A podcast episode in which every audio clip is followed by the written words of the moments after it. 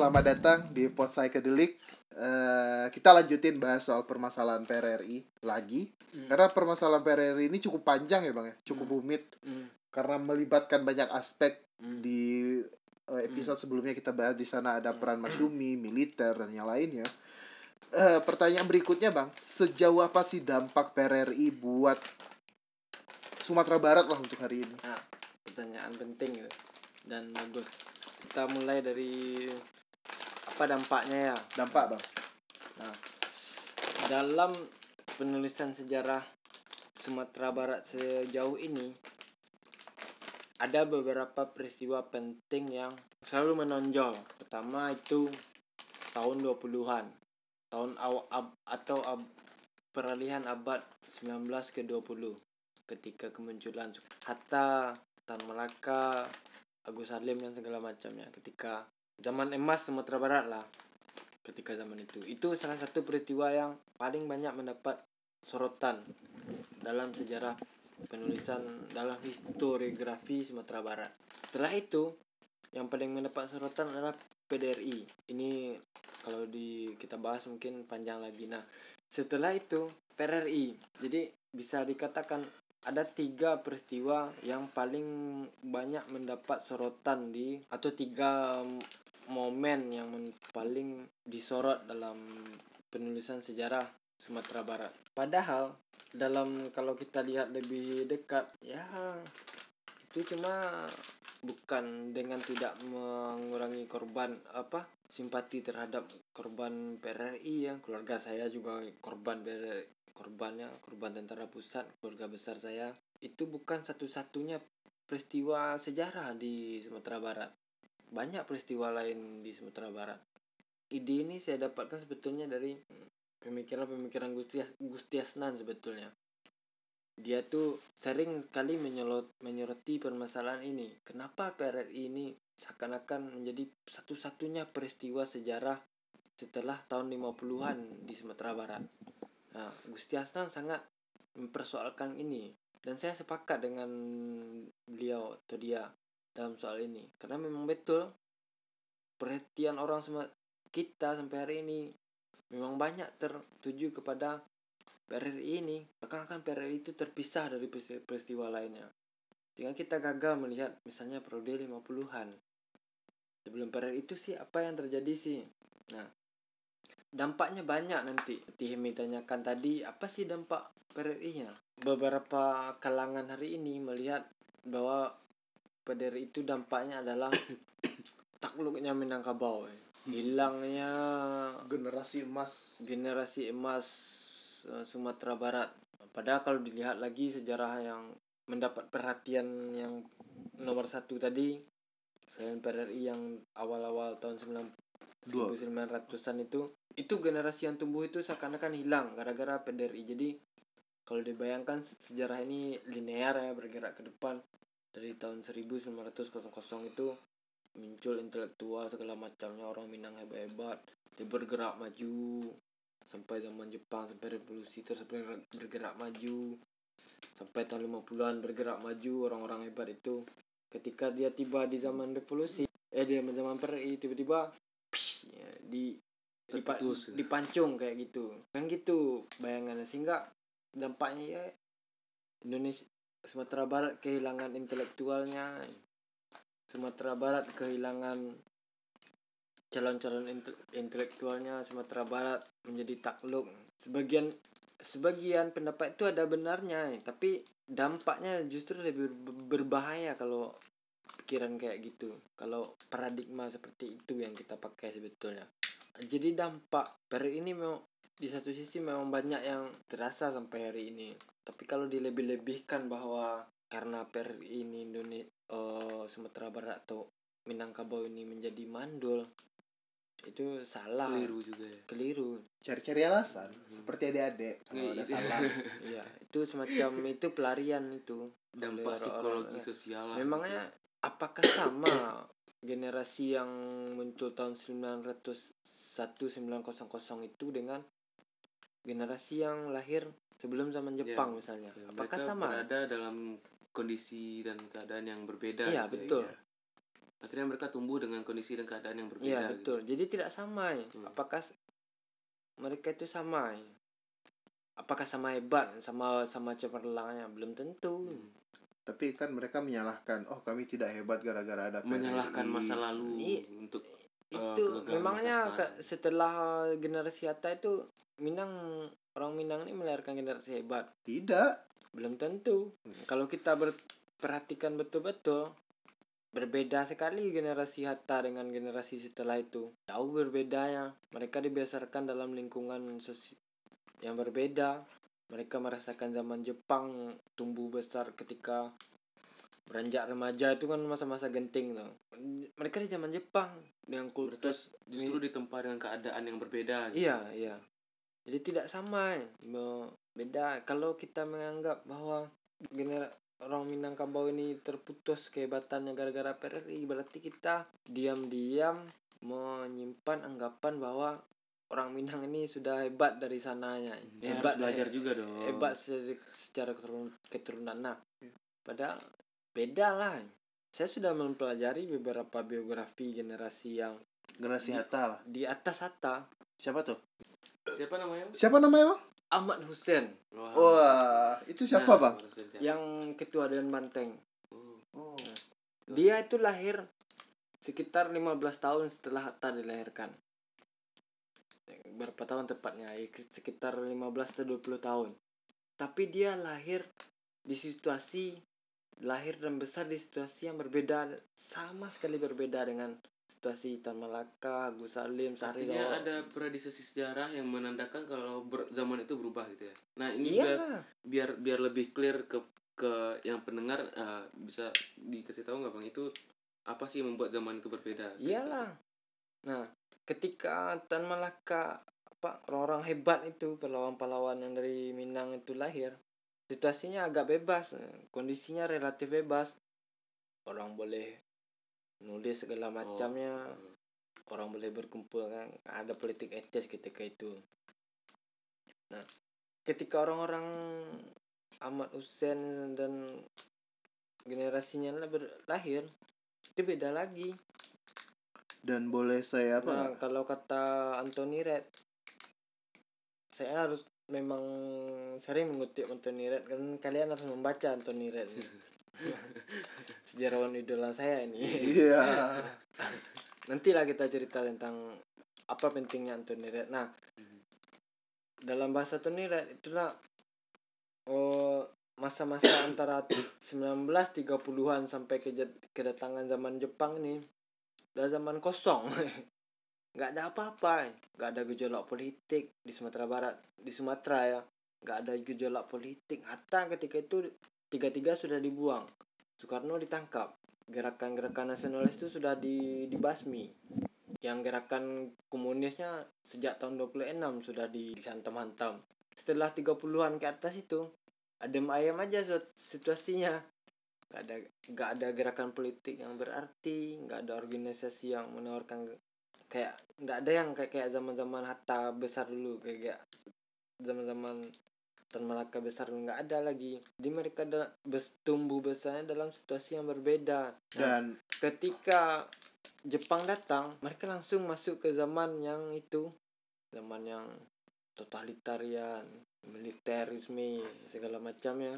Saya sudah seperti saya bilang tadi saya membaca biografi-biografi generasi ini dan memang itu yang saya dapat. Salah satunya ini, ada satu tokoh persentuhannya dengan struktur sosial kolonialis kolonialisme yang rasialis itu memang dia agak terganggu dengan itu. Tapi dia tidak ada usaha untuk melawannya berbeda dengan Tamalaka misalnya. Tamalaka ketika dia melihat bersentuhan dengan atau Soekarno atau Hatta ketika mereka melihat realitas sosial yang ada kasta-kastanya. Geram geram sekali orang itu kan. Saya harus merubah ini ini tidak betul nih nah ketika generasi sebelum itu mereka memang kecewa tapi tidak ada niat lagi untuk apa? Ya sudahlah terima saja Iya, keadaan ini. nah dan dis diskursus isme-isme atau di ideologi itu tidak seramai ketika tahun Hatta besar lagi udah Artinya- beda lagi udah keadaannya udah agak adem ayam lah agak tenang-tenang sih. Artinya ada peran eh, edukasi juga dari pihak kolonial sebenarnya yang merangsang pertumbuhan-pertumbuhan seperti itu gitu ya. Karena pertumbuhan yang di ta- di, di zamannya Hatta di zamannya Soekarno gitu. Ada juga sih. Betul tapi bukan 100% jasa kolonial sebetulnya. Iya. cuman mereka seperti memberi akses terhadap eh, ilmu pengetahuan lah gitu. Ya ada lah. Karena ada juga orang yang ya kayak gitu merasa berdosa. Ada orang-orang orang-orang kiri dan orang- orang-orang liberal yang merasa harus membalas budi kayak gitu. Aduh. Nah, kalau jadi, jadi itu berbe itu berbeda sekali. Saya sebetulnya pernah nulis soal ini di medium. Di, di Geotimes di medium juga ada. Agak berbeda versinya tapi intinya sama juga karena intinya.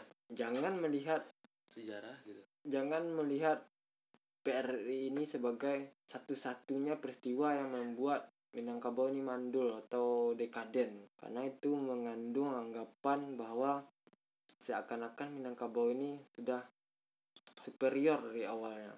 Dan enggak seperti saya sebut tadi orang itu dilahirkan di zaman berbeda generasi selanjutnya dilahirkan di zaman berbeda jadi tidak sama. Kalau generasi Atta yang hebat-hebat itu mereka memang kerjanya mereka intelektual. Dan mereka punya privilege. Nabi pilih dan generasi setelahnya tidak sama seperti itu. Mereka di tempat Jepang tidak tertarik dengan ideologi. Karena memang di- perbincangan ideologi ketika perbincangan ter- terhadap isme-isme itu ketika mereka tumbuh besar sudah sudah redup dan dan harus kita akui bahwa isme-isme itu dibawa oleh orang-orang yang kuliah di luar negeri waktu itu yang punya privilege. Iya mereka yang punya akses gitu ya. mereka punya akses dan membawanya ke Indonesia. Harus diakui itu bang. Ya kan bang? Hmm, iya sih. Koran-koran macam Heeh. ya. Ya.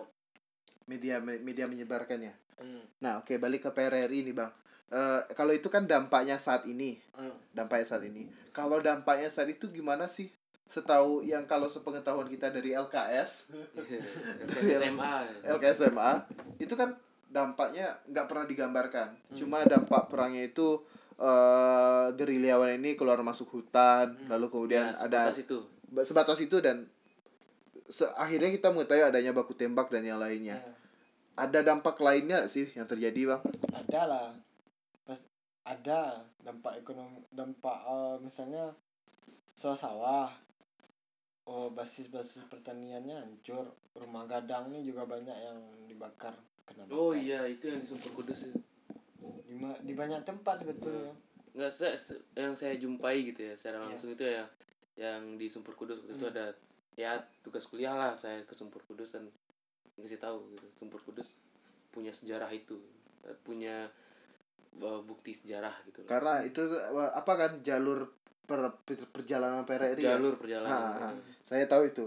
Tanjung Awa Hmm, Tanjung Bonai Awa Tanjung Bonai Awa banyak kayak gitu yang di ketika PRRI itu sudah ter- dipukul mundur oleh tentara pusat dan kekuatan-kekuatan anti PRRI itu mengambil alih pemerintahan pemer- struktur pemerintahan di Sumatera Barat ini memang banyak yang apa ini terjadi misalnya gini orang yang terlibat PRRI harus mengurus misalnya semacam surat-surat tanda dia tidak terlibat netralisasi lah gitu. Ya semacam netralisasi. Tanda dia ter- tidak terlibat PRRI atau dia telah mengakui kembali ke pangkuan ibu pertiwi atau atau tobat istilahnya. Kalau nggak ada itu urusannya kemari payah mau pergi ke sini harus ada surat izin ini dari wali negarinya artinya secara birokrasi dipersulit lah gitu ya. Iya, kalau orang ya orang yang terlibat PRRI yang orang ini balas-balas dendam kayak gitu aja lah sejarah Indonesia nih. Kalau orang PRRI itu yang kan disilang rumahnya sama sama pemuda rakyat dan tentara pusat itu. Oh, pemuda rakyat ikutan juga ya Iya lah. Oh iya saya ingat. Oh, saya nggak tahu sih. I- ini kalau dari ceritanya di gini bang. Ada kawan dari Solo Eh, di apa tempat kawan kita itu rumahnya di apa OPR tepatnya baik organisasi pemuda Oh, rakyat. iya. organisasi apa OPR istilahnya bukan bukan pemuda rakyat oh, milisi yang pro Soekarno oh oke bukan apa ya bukan orkes pembawa minum racun ya Bukan. aduh ya jadi kawan itu cerita bahwa kalau di kampungnya itu di Talang itu rumah rakyat banyak yang disilang.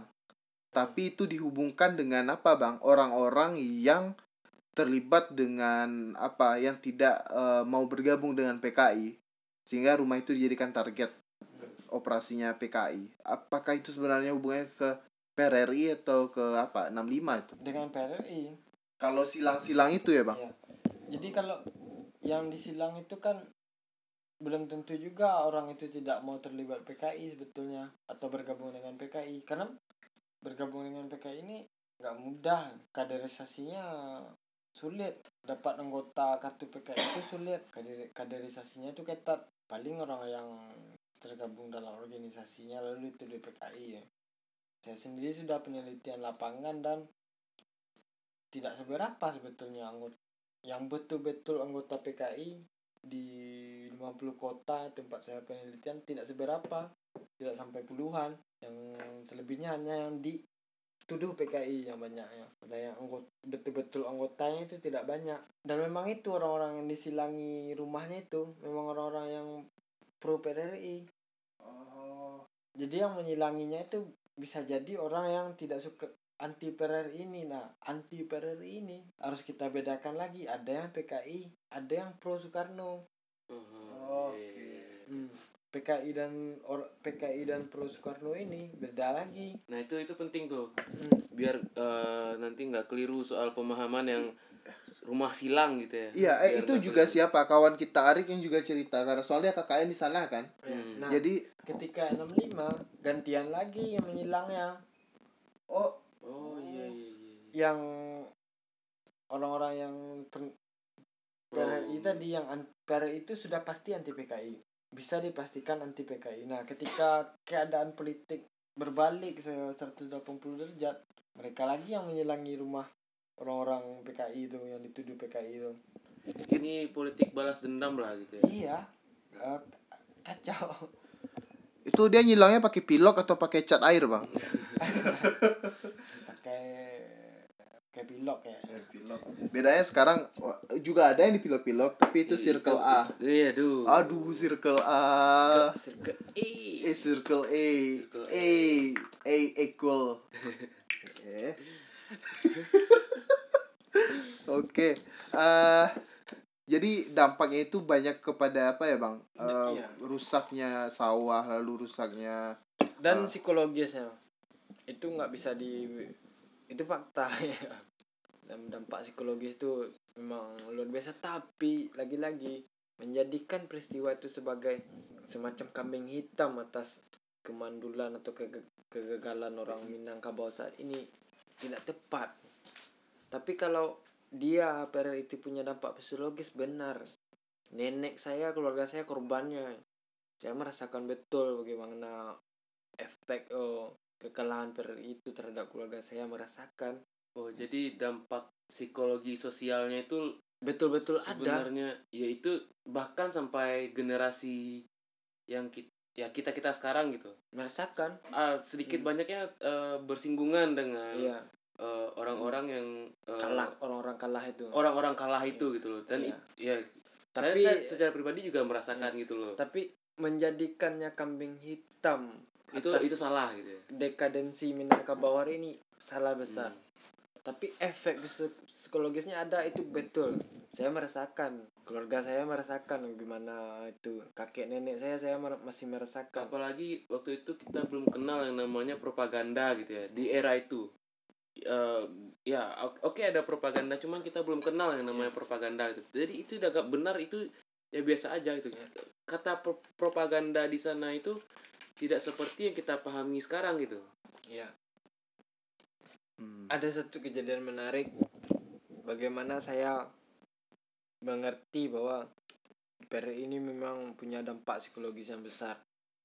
Ditambah nanti 30 tahun era rezim otoritarianisme dan militerisme orde baru itu.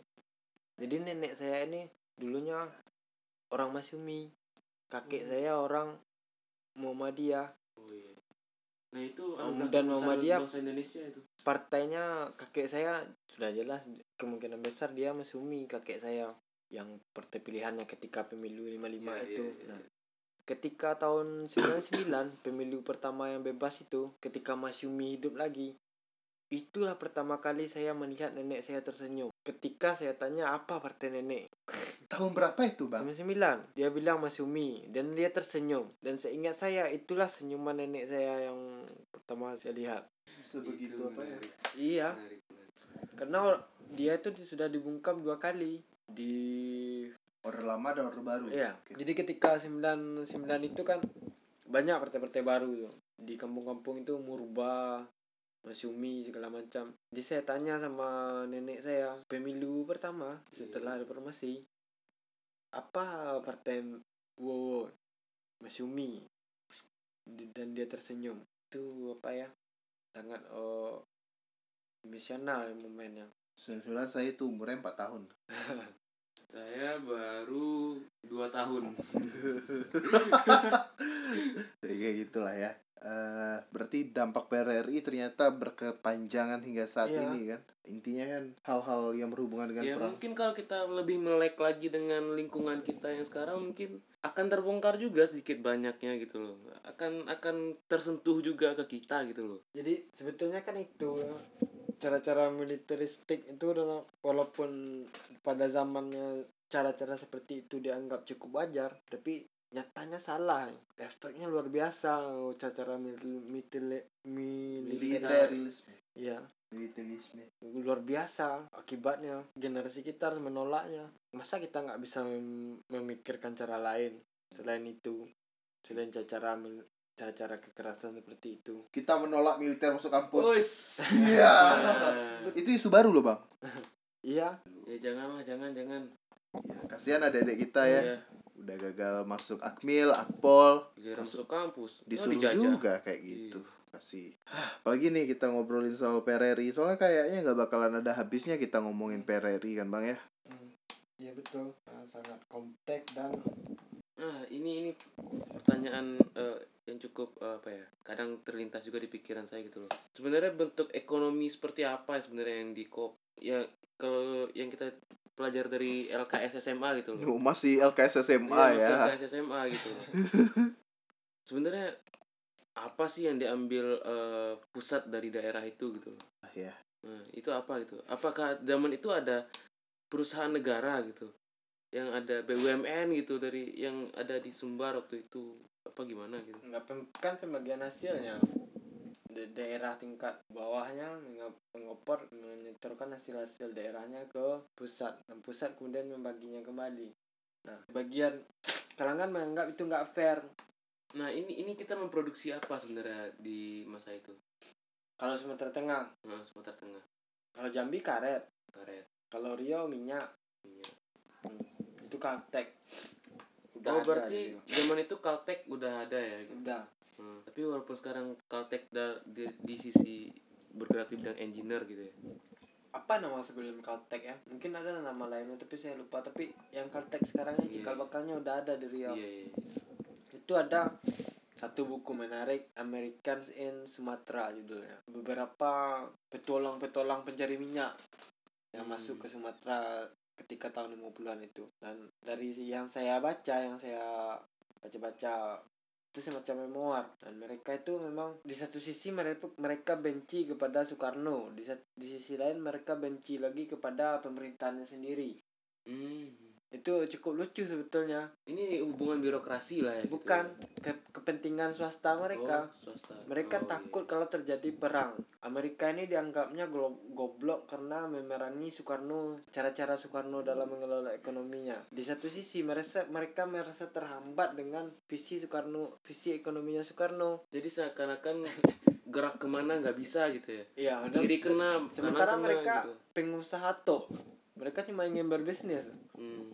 ketika mereka merasakan ada nuansa Amerika mau perang memerangi Soekarno menurut- apa kata-katanya kalau nggak salah ya? Intinya mereka pemimpin-pemimpin bodoh kita di Amerika itu ya, maunya perang saja mau memerangi orang. Sementara di sini dia juga merasa terhambat oleh visi ekonomi nasional Soekarno itu. Artinya udah ada eh, perusahaan multinasional yang eh, Udah. ber- beroperasi di Udah. Indonesia gitu ya udah artinya untuk eks- ekspor dan impor pun sedikit banyaknya mereka juga berperan lah di situ ya Nah, Hmm, dah, gitu. iya.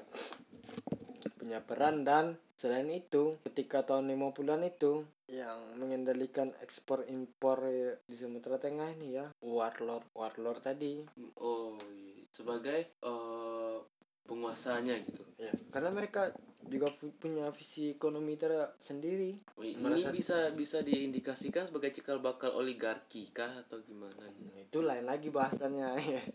Nah eh, saya punya kecurigaan semacam itu gitu. Bukan bukan. Bukan mm, arahnya yang tidak ke sana. Eh, kalau soal itu. Ini lanjutannya lagi dari zaman revolusi lagi. Oh. Bagaimana ketika zaman revolusi itu tiap-tiap daerah yang setelah diisolasi Jepang itu bagaimana dia mengorgan mengelola ekonomi daerah kantong-kantong itu? Hmm, kan nggak ada satu komando itu. Iya iya. Mereka mengambil inisiatif sendiri-sendiri. Gimana nih ekonomi kita nih? Gimana kita menge- mengelolanya? Jadi terfragmentas apa terpecah-pecah gitu polanya. Hmm, dan itu masih berlanjut sampai tahun 59 itu menjelang 59 itu ketika 59 itu kan coba disatukan semuanya. Ekonomi nasional ya, kesatuan nasional sentralisasi ya. tersentral. Hmm, ideolo- ideologi negara diperkuat. 59 itu itu bentuk pengintegrasian dari keterpecahan betul. yang dilakukan oleh Jepang sebelumnya gitu. Ya. Ya ada yang menyebutnya 59 itu pan Indonesia masa-masa itu. Bagaimana? 59 seluruh kepulauan ini diindonesiakan diintegrasikan Oke, kayaknya kalau bahas PRRI udah cukup luas ya. Mungkin buat kawan-kawan yang masih ingin bertanya, ingin diskusi lebih langsung aja intim. ke Instagram Bang Rani Langsung saja ke Instagram Randi Raimana bisa dikontak langsung. Remena apa Remana sih Raimena, Remena Randi Raimena, at Randi Raimena di Instagram dan di Facebook. iya Randi Remena Sejarah nama bang. eh bongkar aja bongkar aja nanggung itu nanggung. itu soalnya kan eh, ada- ada hubungannya. dengan PRI nah, Nah, bongkar aja sekalian nanggung kan kalau kawan-kawan yang dengar dengan dengar podcast ini mungkin ada baca-baca ber- beberapa artikel yang membahas tentang perubahan nama orang Minangkabau ke pasca PRRI. Eh, betul itu. iya iya Biar nama aneh-aneh kayak saya Randi Remena, Setia Subakti, Sita Subakti. Hemilavo, Fanny Lapor Ferdinandes. apa lah Fanny Lapor? Kalau Itali saya sekali gitu. Re- Remena lebih dekat ke satu salah satu suku di daerah Nusa Tenggara Hmm. Timur kalau nggak salah. Oh iya ya bang? Iya. Pada Remena itu asalnya